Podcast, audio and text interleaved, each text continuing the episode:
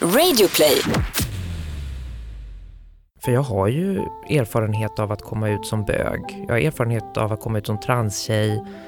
Och jag har erfarenhet av att leva mitt liv som en tjej i stealth. Liksom, sådär. Och eh, alla de erfarenheterna har ju liksom resulterat till att jag är den jag är idag. Liksom. Och jag kan inte och jag vill inte längre ta bort någonting. Hallå Anton! Hallå Tobias! Och hej till dig som lyssnar! Tack för att du gör det på Regnbågsliv, podden där vi tar upp allt under regnbågen. Varje torsdag. Helt rätt. Eller hur? Och nu är vi tillbaka, eh, jag är eh, precis hemkommen från Falun. Jag har sett på din Insta-story att du har varit på Alcazar. Jajamän, 20 years of disco, det är deras avskedsturné. Andreas Lundstedt och Tess och Lina, de var så bra! Alltså det är glitter, glamour, det är allt som jag älskar. Vilka entertainers och vilken sorg för diskon när inte de kommer finnas längre. Men de- kommer säkert tillbaka, det tror jag nog. Ja, till och med ABBA har ju kommit tillbaka så. Ja, tydligen, så att eh, ja, och Anton du har också kommit tillbaka ifrån utlandet Just det. Jag har varit i både Bryssel, där jag har varit på Europaparlamentet, sen så har jag varit i Polen, i Krakow och i Auschwitz och Auschwitz-Birkenau. Det är alltså the Aus- Auschwitz vi pratar om Ja, precis. Eh, förintelselägren från andra världskriget. Och det var ju en väldigt stark upplevelse och jag har inte riktigt landat i det än. Jag är en sån person som, det tar ganska lång tid för mig vid såna starka ögonblick eller starka händelser att innan det smälter, innan det landar och innan jag faktiskt hinner känna efter. För du det- kom hem igår Precis, jag kom hem igår. Så jag har inte riktigt hunnit göra det än. Men det var ju såklart väldigt många starka och fruktansvärda eh, bilder. Mycket värre än vad du kunde föreställa dig kanske Så jag har läst på ganska mycket och sett mycket filmer, dokumentärer, läst böcker och så. Jag har också varit i Dachau, ett eh, koncentrationsläger då, som var i, i södra Tyskland. Men när du Eh, såg kläderna och de här rosa trianglarna, då blev det Mm. väl på riktigt för dig? Ja men precis, det, det är klart att det blir, det blir alltid väldigt eh, mycket så. Men som jag sa tidigare, jag har inte riktigt, riktigt hunnit landa än i, i allting så. Men det, jag kan varmt rekommendera att åka dit. Eh, för alla egentligen, alla som känner att eh, de eh, orkar göra det. Ja, be läraren att åka dit på klassresa med, med dig och din klass om du går i skolan till exempel Ja, ofta så glömmer man bort att det var också homosexuella som, eh, som skickades till koncentrationslägren och då hade man ju den här rosa triangeln. Upp och nervända triangeln liksom Mm. Mm. Det är ju en symbol som sedan hbtq-rörelsen har anammat och liksom försökt att reclaima efteråt. Bland annat hade RFSL en rosa triangel som symbol innan de hade regnbågsflaggan. Exakt, flaggan ersattes ju av den, för man vill ju inte ha en symbol som, som nazisterna har gett den, man Nej, vill ha en egen Precis, ja. Ja. Nej, men så om du går i skolan, prata med lärarna, om du inte gör det, prata med kompisen, partnern, bekanten, mamman, Kollegorna. kollegorna. Ja precis, Det är Ja. billigt att dra dit, ja, absolut det är det är bara över Östersjön, rakt ner bara Ja precis, man åker ju då till Krakow och sen så kan man då ta buss eller tåg eller hur man, jag åkte tåg. Alltså det, för mig blev det liksom ännu ett, ett förstärkt kvitto kanske man kan säga på att vi får aldrig glömma såna här fruktansvärda händelser i, i liksom mänsklig historia. Vi får inte sluta kämpa för mänskliga rättigheter och mot alla former av extremism. För det är ju faktiskt så att eh, sådana här händelser kan hända igen. Så det är jättebra att du lyfter Anton, för om vi inte kan vår historia och lär av den, då är risken att vi upprepar den väldigt stor Mm, absolut. Så eh, har du varit, kanske du som lyssnar på något eh, koncentrationsläger eller liknande och har starka upplevelser, skriv gärna till oss Mm. Ja men det tycker jag att du ska göra. Regnbågsliv heter vi både på Instagram och på Facebook. Och eh, nu tycker jag att vi ska gå över och prata om dagens ämne och dagens gäst. Så från ett väldigt tungt ämne till eh, ett betydligt roligare ämne och det är ju Alexa Lundberg. Ja, och för dig som känner igen namnet, ja hon har varit med i Regnbågsliv tidigare Jajamensan. Så hon gör comeback i vår podd, för hon är aktuell med sin debutbok, Bögtjejen Och jag tycker det är så spännande och eh, uppfriskande för det är verkligen en, ett begrepp som är helt nytt för mig. Hon har myntat det Ja, Och vi ska prata med henne om allt det, och den här boken är såklart en berg och det är mycket mörker, mycket ljus Och eh, varför tar vi inte in henne direkt bara och ja men djupdyker? det gör vi och innan vi gör det ska vi bara säga att läs boken. Finns överallt där böcker finns Ja. Så då säger vi välkommen tillbaka till bögtjejen Alexa Lundberg! Här är hon tillbaka igen i studion, äntligen! Alexa Lundberg! Hej! Hur mår du Alexa? Jo men jag mår bra tack, underbart att vara tillbaka. Och nu är du ute på, kan man säga, eh, release-turné. Ja. Du har varit i en hel del, du har varit i Dagens Nyheter, Bokmässan bland annat. Mm. Vad härligt. Vad har mer av när man släpper en bok? Vad, vad händer? Eh, ja, det här är ju min debutbok så jag har inte jättemycket erfarenhet eh, utan jag åker mest med liksom, på det som händer i för, eh, förlagsvärlden. Sådär, liksom. Eh, Brombergs då, som är mitt förlag. De får en massa förfrågningar som de skickar till mig, jag skriver upp i kalendern och så åker jag dit jag ska. Liksom, på timman jag ska. Just det. Vad härligt. Ja, det är väldigt kul. Ja, Det är så här liksom att, eh, jag kan tänka mig att det är så här det att ha en agent liksom som bara, ja ah, men nu vill de ha det där, nu vill de ha det där och någon som följer med liksom. Ni vet som politikerna i Almedalen så här. Alltid någon som springer efter och man tänker wow. very important person. Exakt. VIP. Men det måste vara så olika så här, för vissa gånger kanske man kommer till något ställe där de inte alls har läst boken och ibland har de gjort det Mm. och så här, samma frågor kanske kommer. Hur tacklar du hela den delen av karusellen? Alltså det är bara go with the flow alltså. Mm. Och känna eh, att det här är min bok, det är mitt liv. Eh, det, det är jag som vet vad det här handlar om liksom. Så att ta tillbaka den makten och, och i mina händer och inte att jag ska känna att jag måste prestera så liksom. Nej, och du är inte rädd för att rätta någon heller? Nej, det är jag inte. Utifall att det skulle bli fel någonstans. Väldigt bra. Och jag tänkte att vi ska kliva in direkt på bokens titel, för den heter ju Bögtjejen. Ja. Det här har du myntat helt själv alltså? Eh, ja, eh, fast jag tittade faktiskt upp på Google nu eh, precis när vi hade släppt den såklart, för jag ville kolla, eh, är det någon som har skrivit något sådär? Och då såg jag ett, en jättegammal post om en dikt som hette Bög streck tjejen. Och jag bara, åh, det är någon som har tänkt den här tanken före mig alltså. Men det var någon liten obetydlig sak i cyberspace, så att det behöver vi inte bry oss om. Och du, du inte såhär, så här, fan dig, utan du blir lite snarare såhär, ja, vi är fler. Jo men så, så kände jag. Ja, Vi, vi är fler och vi är Mm. fler som liksom har försökt eh, leka med uttrycken och sådär liksom. sätta ord på det ni känner. Ja. ja. Och vad verkligen. betyder det för dig? Alltså, bögtjejen är ett sätt för mig att ta tillbaka min identitet. Eh, eller snarare mina erfarenheter för att eh, när man har gjort en könskorrigering då är det ju väldigt vanligt att man, och det- och det var ju det som var syftet från början, liksom, att man ska leva sitt liv i den önskade könsrollen då liksom. Och helst skulle man leva i stealth, alltså att man inte skulle berätta för någon annan vad eh, ens bakgrund är. Eh, och gör man Men det tidigare namnet som man, eller, ja, eller typ så. Ja, och att du överhuvudtaget är född som kille liksom Mm. då. Eh, och det där, det där var ju från början, alltså det var ju över hundra år sedan man gjorde de första försöken så det är inte så konstigt att det där har funnits men idag, eh, vi går mer och mer i terapi, liksom det är viktigt, eh, vi lever verkligen i en tid då det är viktigt att vara sig själv, det är liksom det som är eh, temat på något vis i våran tid tycker jag.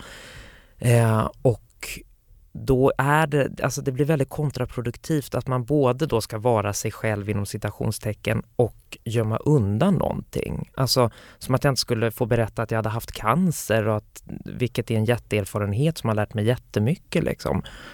För jag har ju erfarenhet av att komma ut som bög. Jag har erfarenhet av att komma ut som transtjej och jag har erfarenhet av att leva mitt liv som en tjej i stealth liksom sådär. Och alla de erfarenheterna har ju liksom resulterat till att jag är den jag är idag liksom. Och jag kan inte och jag vill inte längre ta bort någonting. Så bögtjejen, det, det är ett sätt att säga det här är jag, det här är de erfarenheter jag har och de gör mig inte till mer eller mindre av något utan det har bara varit så liksom. Jag tycker det är ett jättehärligt och uppfriskande perspektiv. För det är när man tänker efter, det är självklart att varje sak man har varit med om har hjälpt till att göra en till den man är. Mm. Varför ska man då inte liksom uppmärksamma det, Anton eller hur? Ja, alltså det väcktes väldigt mycket nya tankar till liv som jag tyckte var jättespännande. Jag tänkte att vi ska kliva in på i början av boken där du eh, i inledningen eh, där beskriver du hur du som fyraåring tar Mm. på dig en klänning Mm. och din mamma säger vad fin du är hjärtat Men din pappa reagerade med eh, rädsla över att eh, ett eventuellt gillande skulle kunna leda till att du blev bög. Mm. Är det här ditt första minne av cis och heteronormer? Eh, ett av de första minnena. Eh, mitt allra första är när jag står i lekparken och en eh, dagmamma ropar ut att vi ska gå till två grupper. En med tjejer och en med killar. Och jag får lite utav en eh, identitetskris där och då liksom och undrar shit, vad ska jag ställa mig någonstans då? Och så börjar jag traska till tjejerna för jag tänker, ja men jag provar det i alla fall liksom och ser om det kanske funkar. Jag kanske får vara tjej även om jag har snopp. Men då kommer en brysk eh, dagmammehand och liksom tar tag om min handled och föser över mig till pojkgruppen och puttar in mig där och säger Här ska du stå, förstår du väl? Det är en av mina absolut första minnen av att få någon form, ni vet så här, nästan panikångest. Shit, hur ska jag orka det här liksom? Den här uppdelningen och det var så tydligt hur man förväntades bete sig. Det här är liksom inte jag. Jag tänkte, ja, hur ska jag orka ljuga eller liksom försöka leva upp till någonting fram tills att jag blir vuxen? Liksom? Och kommer jag att orka? Eh, och det var väl lite en liknande känsla och tanke som väcktes i mig när jag var hemma där då och den här scenen utspelar sig och jag märker att min pappa tycker att det här, det här är det värsta man kan göra i princip. Liksom. Eh, att vilja klä sig i klänning. Alltså jag fick den här känslan av äckel, ni vet. Ja, men ni känner igen den misstänker jag. Absolut. När, när folk har fått den att känna sig äcklig. Bara för att man är feminin eller för att man har en viss like in something liksom sådär. Helt ovidkommande egentligen för dem men Mm. Och det är stor skillnad också på det här med att känna sig äcklig för att man kanske har på sig smutsiga kläder för tillfället eller man kanske har smutsigt hår eller man har, liksom inte vet jag, som barn kanske snor i ansiktet och får den känslan. Men att få den känslan av att jag är äcklig för den jag är. ja precis. För någonting jag är stolt över tycker någon är dåligt, Någonting som Den, är liksom eller- i min Ja. identitet. Då för det blir går det inte skevt. att tvätta bort. Ja, då är det Det- skevt. precis, Ja. det är jag som är äcklig. Eh, nästan lite som efter en våldtäkt börjar jag tänka nu. Alltså när, när man så här våldtäktsduschar liksom. Det går inte bort liksom. Ja. Ett poddtips från Podplay. I fallen jag aldrig glömmer djupdyker Hasse Aro i arbetet bakom några av Sveriges mest uppseendeväckande brottsutredningar. Går vi in med hemlig telefonavlyssning och, och då upplever vi att vi får en total förändring av hans beteende. Vad är det som händer nu? Vem är det som läcker? Och så säger han att jag är kriminell, jag har varit kriminell i hela mitt liv men att mörda ett barn, där går min gräns. Nya säsongen av Fallen jag aldrig glömmer på Podplay. man hade ju haft en, en positiv bild av dig då i klänning beskriver du att hon tycker men vad fin du är i hjärtat och liksom uppmuntrar det upplevde jag när jag läste boken. Mm. Men, men, men vid skolstart så var det, var det någonting som hände för då fick du inte längre ha på dig det. Mm, så var det. Eh, Min prinsessfrisyr blev en tidsenlig hockey Eh, och eh, mina prinsessklänningar som jag dittills hade kunnat få sätta på mig det byttes ut mot sportmärket Dodgers som var den tidens hetaste sportmärke, i alla fall i mina eh, förortskretsar då. Så Som Fila är nu typ eller så? Ja men lite Ja. sådär liksom, man köpte det på Obstormarknad och gick omkring med det. Gud vilken så här samtid. Ja, här, ja. ja förortsmedelklassen Ja, liksom. wow, samklang verkligen. Mm. Ja, tecken i tiden. ja exakt. Nej men så då fick, eh, det blev väldigt tydligt, min mamma sa till och med eh, tydligt till mig att nu, nu är det slut med utklädnaden Alexa, nu åker tjejkläderna i teaterlådan. Men här måste jag bara få hoppa lite i tiden då. Absolut. För alltså min morsa, oj oj oj vad jag är glad och stolt över henne idag. Eh, Fru Lundberg eller? ja, fru Charlé. Charlie. Eller fröken till och med. Åh, ja, och de är vi skilda mina föräldrar. Nu är vi ogifta förstår du. Ja, nu är ute på upptåg, ledigt. Nej men eh, på releasefesten i alla fall av den här boken som var för ungefär två veckor sedan. Tack för inbjudan, vi kunde inte komma tyvärr, men tack för inbjudan. Ja, ja men gud, självklart. Det är, man kommer när man kommer och man kommer. Exakt. Det är eh, öppen invitation till övriga eh, tillställningar. Tack, tack. Men mamma var där i alla fall. Eh, hon bara stormade scenen precis när jag skulle gå av och så hade hon en present i handen och så tog hon micken Och så sa hon så här, ja men eh, innan du går Alexa, jag måste bara få säga en sak till dig och ge dig den här presenten. Och, och så sa hon, eh, från nu och evig tid framöver så ger jag tillbaka till dig det jag en gång tog ifrån dig. Och så fick jag en jättestor kartong då, eller lagom stor kartong. Öppnade den och så är det bara skitsnygga, ni vet så här, över 2000 spänn kronors eh, klackar i dem liksom så här. Och jag bara, I din storlek? I min storlek ja, såklart. I hennes storlek så sätter de på sig dem och går därifrån. Exakt. Gud vilken twist. Ja, vilken Nej, men twist. Det är inte några gamla klackar Ja. från när du var liten alltså, nej utan det är, det är nu liksom. Det är Ja. nu, ja precis. Det är Ja. att, att hon, och det har ju då med den där scenen att göra. Min mamma har ju tagit till sig det jag har skrivit väldigt, väldigt mycket eh, och ville liksom be om ursäkt för att hon tog ifrån mig mina attribut och mina identifieringsaccessoarer liksom sådär. Vilket var extremt fint och då jag började ju fulgråta på scenen och så var det ett kort där med liksom en, en liten, liten flicka i mammas för stora klackskor liksom. Och så stod det de där orden hon hade sagt liksom. Alltså hela, jag tror att hela, vi var ju på Patricia eftersom jag festade så mycket där på 90-talet liksom. Så Ah. det var en liten hommage. Eh, hela Patricia grät ju liksom. Så, Wow, vad Fantastiskt. starkt. ja. Fantastiskt verkligen. Det är aldrig för sent, det kan bli full circle moment till slut. ja, Jag eh, läser in en väldigt eh, varm relation, även fast den också ju såklart var liksom bumps on the road med din mamma i boken. mm. Men du hade ju en ganska så tuff relation till din pappa. ja. Vill du berätta lite om den? Ja, absolut. Eh, Han var ju då som sagt eh, homofob. Alltså mitt internaliserade homoförakt det kommer ju ifrån min pappa först och främst. Liksom. När jag var lite, blev lite äldre då började han varna mig för analsex för att eh, då skulle det kunna förstöra min teaterkarriär för att då skulle jag vara tvungen att ha blöjor på scen och jag skulle inte kunna hålla mig. Men vad är det?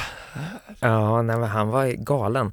Jag tror att han försökte rädda mig genom citationstecken från att bli bög. Liksom. Tänkte han då? Mm. Tänkte han, exakt. Alltså han äcklades. Alltså ni vet, och det, är det där, eh, det där är någonting jag verkligen har fått eh, jobba med. Det här äcklet mot mig själv liksom. Som han planterar i dig? Ja, definitivt. Och han, eh, han kunde liksom säga saker som att bögarna på Eriksdalsbadet, de gillar att stoppa tår i rumpan på. Alltså ni vet så här, Men Det var ja men alltså det var får han allt ifrån? Ja men jag tror att det var någon som hade gjort det Ja, på honom liksom. And he liked it and that's why. Nej jag skojar. exakt farsan det är du Ja, som är snuskig. ja exakt. Lägg inte dina snuskiga fantasier på mig. Exakt. Nej men eh, även min pappa har förändrats.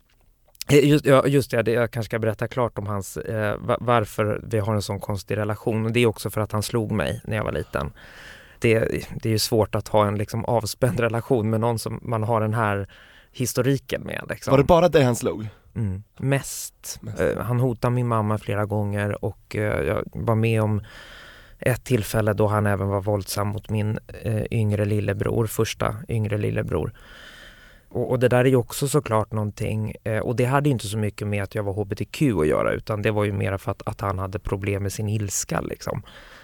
Jo, men även han har förändrats eh, och han och jag har också kommit närmare, alltså vi har ju kommit närmare varandra successivt för att vi har pratat väldigt mycket och jag har ju gått väldigt mycket i terapi, jag har bearbetat väldigt mycket utav det här. Det är därför jag överhuvudtaget kan skriva om det liksom. Eh, och Och han även- vet om det här nu, att du har liksom gått så mycket terapi och allt det här, han vet om? Absolut, ja, han, eh, han har läst boken Ja, och liksom var på releasefesten och Ja. eh, jag presenterade honom så här, "Det här är min pappa, han visste vad som stod och så här, han eh, jag har aldrig varit med om det förut, att han liksom ehm, så osjälviskt står för vad han har gjort och liksom säger att det här är din historia och ehm, det här måste ha varit väldigt jobbigt, sa han. Och jag bara eh, reagerade så här bara, oj pappa, du tänker dig in i min situation och undrar hur det var för mig. Mm. Alltså ni förstår ni, det, jag har alltså växt upp med en pappa som inte har haft förmågan att göra det. Det är lite litteraturens läkande kraft alltså. wow, och det var på tiden alltså? Ja, verkligen. Du beskriver ju så öppet och naket så mycket så jag, det är en väldigt modig bok. Mm. Och du, du beskriver bland annat när du har gjort din fysiska könskorrigering vid 21 års ålder. Mm. så bor du ju då hemma hos dina föräldrar efter för att reparera dig. Mm. Ja, För att återhämta dig. Ja, men, reparera underlivet kan man väl Ja, säga. ja men precis. Och eh, där var det ju någonting som tog fart liksom, i relationen. Eller inte tog Mm. fart, men där var det, en, det var en ganska dramatisk tid. Ja, det var det. Det var väl sista gången då som min pappa fick ett utbrott på mig eh, för att han tyckte att jag hade mm, hållit honom från sig liksom, eh, efter operationen. Att han inte längre var en viktig person i mitt liv. Liksom, sådär. Eh, så då blev han våldsam, även om han inte slog då, men ändå stod och skrek på mig och sådär liksom. Ja, och det blev ju lite som en uppgörelse för jag skrek tillbaka. Liksom att så här bara, ska det vara på det här viset då kan du dra åt helvete! Alltså ni vet så här bara, så här barnets revolution liksom. Var det första gången du stod upp eh, mot honom då? Ja, ordentligt. För det hade du inte vågat under uppväxten kanske? Nej. Nej, Och nu var jag liksom 20 år, jag var nyopererad och jag såg det liksom absurda i situationen att liksom han står och skriker på mig när jag liksom ska återhämta. Alltså jag menar det, det är bara, man gör inte så Står liksom. och sparkar på någon som liksom redan ligger ner så här och bara vill bara vila. Ja. Ja det är, Nej, det, det är stört. Men i alla fall då, eh, han förstod att han skulle gå därifrån och jag fick då liksom, ni vet, ett panikångestanfall då jag liksom typ får ur mig allt det här som jag gått och burit på liksom. Och eh, min mamma kommer fram till mig och säger att hon ska lämna min pappa för att det här går inte längre. Sen har jag fått höra i efterhand då att det tydligen var på det viset att pappa gick ifrån mamma. Men eh, hon sa i alla fall vid det här tillfället att, att hon skulle gå ifrån honom så att hon hade ju fått nog i vilket Mm. fall. Ja, eh, så att de fick väl nog av varandra båda två kan jag tänka mig. Det var en destruktiv relation liksom. ja, den veken brann ut i bägge ändar kan man säga. Ja, precis. Poff! Ja. Du beskriver ju väldigt tydligt det här med eh, fack som du upplevde och normer. Men fanns det tillfällen där du kände dig helt fri från normer under din uppväxt? Ja, absolut. Min strategi blev ju, och det här är ju väldigt sorgligt, eh, men eh, min strategi blev ju när jag märkte att jag inte passade in att liksom sluta mig. Gå in i en egen bubbla, vilket också är väldigt vanligt bland barn som blir misshandlade. Att man liksom inte söker sig utåt utan man söker sig inåt så. Men där, man ska liksom inte förakta de här världarna. Det är inte bra om man fastnar där sen som äldre liksom så, när man har kommit ur saker. Men eh, det är samtidigt en väldigt fristad liksom, där jag mår väldigt bra. Jag är fortfarande väldigt mycket av en bubblare liksom. Jag gillar att gå in eh, lite, du berättade förut Anton om eh, P4 Karlavagnen, att det är Ja. en mysgrej liksom. Det är Antons eh, program som han somnar till. Ja. men precis och jag har också såna där grejer liksom. Jag kan sitta och bubbla in mig i Jönssonligan och bara känna, alltså ni vet, och det, det kan ju låta jättekonstigt, men man kan känna en samhörighet med, i sina bubblor liksom. Ja. Absolut. Visst är det gamla Jönssonligan med, eh, Ja men Gösta Ekman Ja, ja, ja. och alla de där, då blir jag glad. åh gud ja. Och hon Doris, åh Och då- henne. ja verkligen. Åh, underbart. Jag relaterar verkligen till det. What happens in bubblan stays in bubblan. Ja men precis, det håller jag Precis, verkligen med om. don't eh, burst the bubble så att säga. Ja men precis. Spräck inte bubblan Anton. Någonting som jag tycker är väldigt, väldigt fint i boken också, det är eh, farmor Gerd, Mm. din farmor. Ja inte min alltså utan Ja Alex just det, för din farmor heter också Gerd, så Absolut. nu blir du lite... Hej farmor Västerås, hoppas det är bra på ålderdomshemmet. Farmor Gerd. Ja. Just det. Mm. Gånger två då. Det gör Gud, hur gammal blev hon? Hon blev 81. 80, åh min är 82. Ja, hon, hon fick eh, begynnande demens tror vi. Och det är Det- min farmor också. Ja, jo jag vet, vi pratade ju om det här inne, innan. Men eh, alltså jag har ju jobbat med dementa, de kan ju bli väldigt gamla. Det har ju Ja. inte så mycket med den sjukdomen att göra. Precis. Min farmors mamma blev 92 Ja, och helt snurrig alltså. mm, Så mm. att ja, ja det är bara tio år till av tio år snurr. till av snurr. Men de, de, en del har det ju väldigt bra i de här demensbubblorna. Liksom. Ja man glömmer bort hur dåligt det är liksom hela tiden. Ja, ja, ja visst. Bara de inte fastnar. Ibland kunde man ju ta hand om så här äldre som sitter så här eh, Alltså ni vet Tuggar mässar bara. liksom, Ja. jag tuggar och, och typ så hamnar i gråt och sådär, det, det måste vara rätt jobbigt. Mm. Eh, Å andra sidan, jag pratade med någon så här demensexpert under den tiden och bara, fast de är inte ledsna, de gråter bara. Så bara, jaha. Så var, var är min man? Han är död, nej han är död! Som varit död i 20 år, så här, bara, nej! Och så får man så här, blir man ledsen varje dag. Ja men, Så där kan ju hända. ja men precis, Och men i nästa sekund då är pappa ute på åkern och typ slår li, eh, s- li, eh, liar, eh, ja, Skördar. skördar. Exakt. Fast bondräng, tjingeling. Ja herregud, Ja. det är vad det är. Men min farmor Gerd nu då, Ja. eh, det, det var en transaktivist utan dess like. Det var ju hos henne var 89, jag sov alltid över, hon var min trygga punkt, hon var min bästa vän, hon tog hand om mig och hon var jättefin. Där kan man ju verkligen snacka om att normerna inte hann ifatt liksom. Mm. eh, hemma hos farmor och eh, en morgon då kom hennes väninna Lilian förbi med en kassett med After Darks senaste show som det var då från 1989 på Hamburger Busch. Och vi satt och tittade på den där tillsammans och jag hänfördes och farmor säger Tänk att de är killar allihopa. Och jag bara sitter med öppen mun och tror inte på henne och säger så här bara nej men det, nej, någon av dem måste ju vara tjej i alla fall. Det ser ju vem som helst liksom. Men det var det inte och där satt jag och helt enkelt kände igen mig helt plötsligt i oj, det finns fler som är som jag.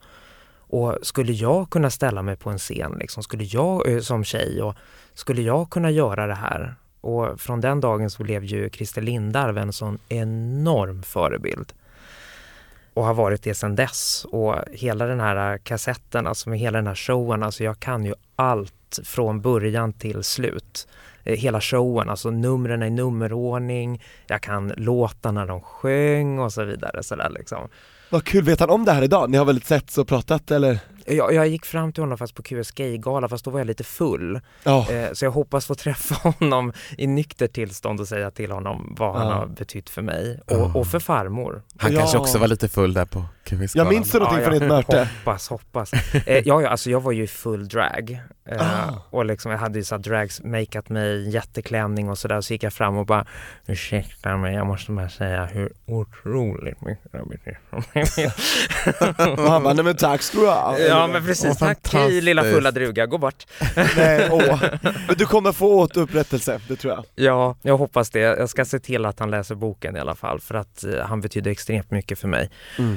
Men eh, farmor då, eh, hon var ju liksom den som hjälpte mig med, alltså ni vet, hon skjutsade mig till apoteket när jag behövde hormoner, hon liksom tog hand om mig eh, när jag mådde dåligt och skjutsade mig till sjukhuset till könsidentitetsutredningssamtal och sådär liksom.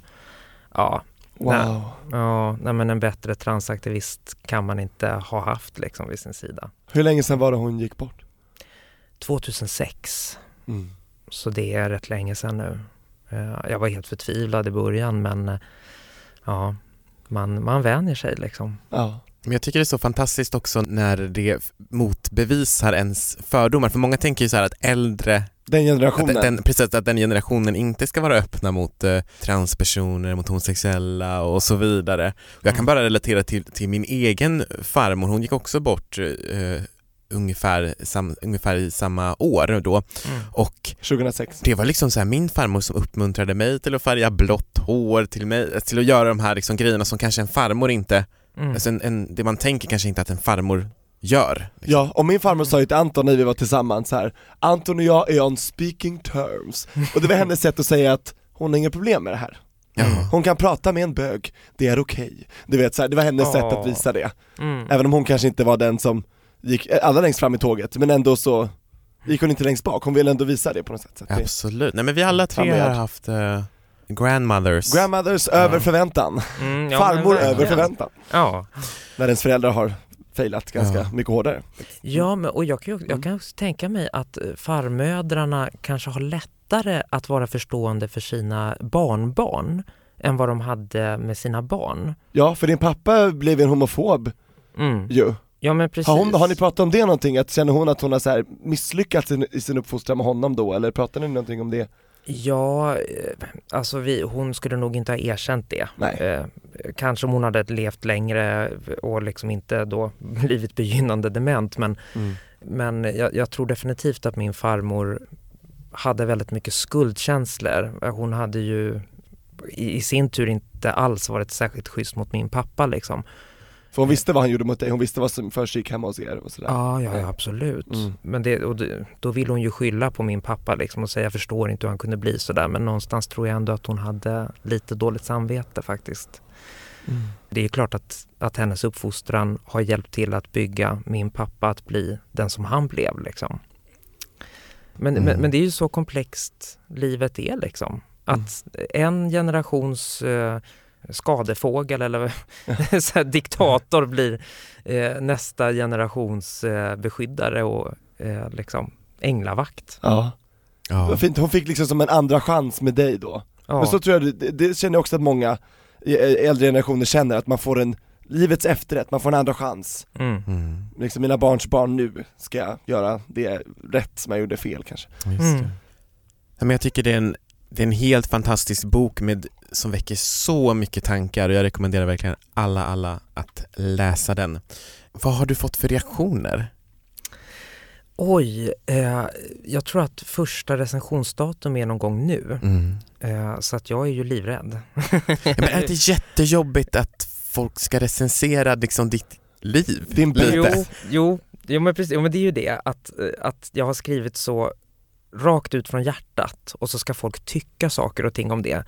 Men samtidigt, ingen kan ju recensera mitt liv utan det är ju i sådana fall hur jag väljer att berätta det, alltså stilgrepp Precis. och sådär Mm. liksom. Och ja, folk kommer alltid tycka massa saker. Jag är ju skådis, jag får ju recensioner efter varje föreställning jag spelar liksom så att man får ta det där med en nypa salt Mm. helt enkelt. Det betyder inte så mycket. Från oss får du i alla fall fem regnbågar, det kan vi väl vara eniga om Tobias? Absolut, regnbågen tar aldrig slut. Ja. Fem starka regnbågar till Tack Alexa Lundberg. Absolut. gullisar! Så kan du Ja. säga det om, om det skulle bli någon tråkig recension. Nej men jag, jag har fått toppnoteringar. Ja men jag tycker det är en bra Mm, inställning som du precis. sa, det här vi pratat också om med, med Marika Karlsson i förra avsnittet att det gäller att skilja på prestationen och Mm. den du är. Ja. Så att det inte är så efter ett dåligt gig så är jag sämst i världen och vill sluta med det jag gör, Mm. och efter ett bra gig så bara åh nu kan jag fortsätta, nu är allting förlåtet så här. Men det är Mm. lättare sagt än gjort det där. Det är det! Ja, det är verkligen. Mm. Jag tycker det är dösvårt. Jag Mm. känner liksom att det går ju lite hand i hand. Alltså när man får applåder och liksom uppbackning, så här, fan vad bra du är liksom. Det går inte nästan att skilja det från vem man är som person liksom. Just när du gör någonting som är så nära dig själv också. Precis, men alltså det, jag håller ju med Marika Karlsson om Mm. att det, man måste göra det. Men de gånger man gör det, jag tycker det är så himla svårt att fly den där äh, besvikelsekänslan liksom. När man låter sig inom citationstecken liksom fade away, inte vara på topp liksom. Ja. Hur gör du för att tona upp igen då så att säga? När du tonar ner så här. Nej, jag försöker, jag tror ju inte att jag är lika långt gången som Marika Karlsson där utan jag tror att jag fortsätter prestera istället. Men Ja. jag, jag ska verkligen ta de där råden på allvar för att eh, ja, jag tror inte att man mår bra i längden av ständig prestation liksom. Nej, verkligen, och det kan jag bara känna själv att alltså, om vi har ett avsnitt som jag känner så här, åh nej det där avsnittet blev inte så bra, så då kan jag känna så här, nej vad dålig jag var och nu så må- mår det liksom dåligt så att även fast jag själv är en liksom så här, försöker säga eller till andra att du är inte din prestation, du är, alltså så här, så Ja. det, det är svårt det där att frikoppla helt. Ja precis, det blir också ett sätt att säga till andra eller då till sig själv liksom att man ska lugna ner genom att ge sådana råd. Liksom. Ja, mm. Projicera sin egen osäkerhet i form av råd till andra. Men jag hade ju faktiskt ett nyårslöfte, jag, vet, inte, jag tror jag pratade om det i podden, att jag skulle misslyckas med saker. Ja just det, hur går det med det då? Det gick jättebra. Jag hoppade av en kurs på högskolan, Wow. även fast jag egentligen borde slutfört den. Mm. För jag kände att nej,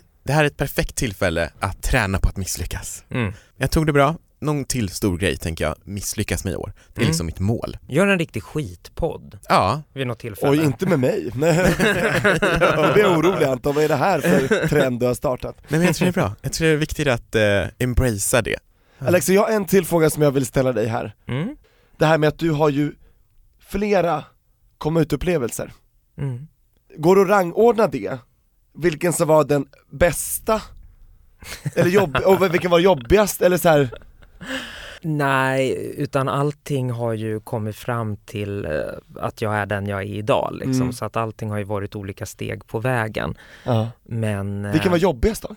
Oj, oj, oj. Det var nog faktiskt första gången jag kom ut som bög. Mm. Eh, Men inte så mycket för att jag kom ut som bög utan för att det var första gången jag gjorde någonting sånt överhuvudtaget liksom. Mm. Det var ju också första gången som jag liksom försökte göra upp med de här äckelkänslorna och sådär. Eh, ta ut trollen i ljuset så liksom. Men det gick ju bra Ja, till slut. Det jag har lärt mig av alla de här komma ut-processerna är väldigt mycket att håll ut. Det är jobbigt i början och det är liksom inte en raksträcka i att åh, nu mår jag bara bättre och bättre, utan ibland mår man sämre. Mm. Alltså det är ju som med allt när man liksom är inne på någon personlig utveckling, liksom att det tar tid, men det blir bättre, långsamt och successivt. liksom. ja. Två steg fram, ett steg bak kan det vara. Tre steg fram, tre steg bak, sen kan det vara Mm. Men så att håll ut och stå på dig. Och blev det lättare, lite lättare för varje gång, upplevde du eller? Eller var det lika jobbigt fast på olika sätt? Nej, ja det blev lite lättare för varje gång för när jag Mm. kom ut som tjej då hade jag liksom redan kommit ut som bög, mina föräldrar hade sett mig i drag och sådana grejer. Normen var bruten redan. Så. Ja precis, så att då säga att jag vill göra en könskorrigering var ju nästan som ett sätt att bli normal igen, inom citationstecken.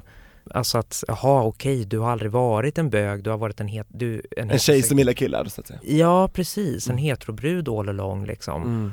Och det där, eh, alltså det där tänker jag på jättemycket idag, liksom normerna kring som transtjej komma ut liksom och ja men man ska leva upp till heteronormer och ena med det tredje. Men så, så tänkte jag då i alla fall liksom, så då var det nästan lite lättare av den anledningen liksom. Mm. Och idag är du bögtjejen, jag tycker det är en sån Ja. bra grej alltså. Ja men nu har jag Claima den. Verkligen, nu, nu har jag, jag har sprängt det där att man ska vara heterosexuell och att man ska vara i, entydig i sin eh, identitet liksom istället för att bara liksom ta in alla erfarenheter man har och liksom stå för dem. Mm. Det är där jag har hamnat. Ja, ett ansikte för mångfacetismen, kan man säga så? Ja, det kan man säga. Ja, Mångfacetismen. Vilket härligt ord. Ja men tack, det myntade jag nu. Ja. På tal om att mynta grejer, jag tycker det är bra, mynta mera. Ja men Ja. mynta mera, så tar vi copyright på allting. Ja, Ja, tack, ja. Säljer för en billig slant. Ja, Exakt, herregud så här. Över Ja. royaltypengar, nu kör Ja, vi. verkligen.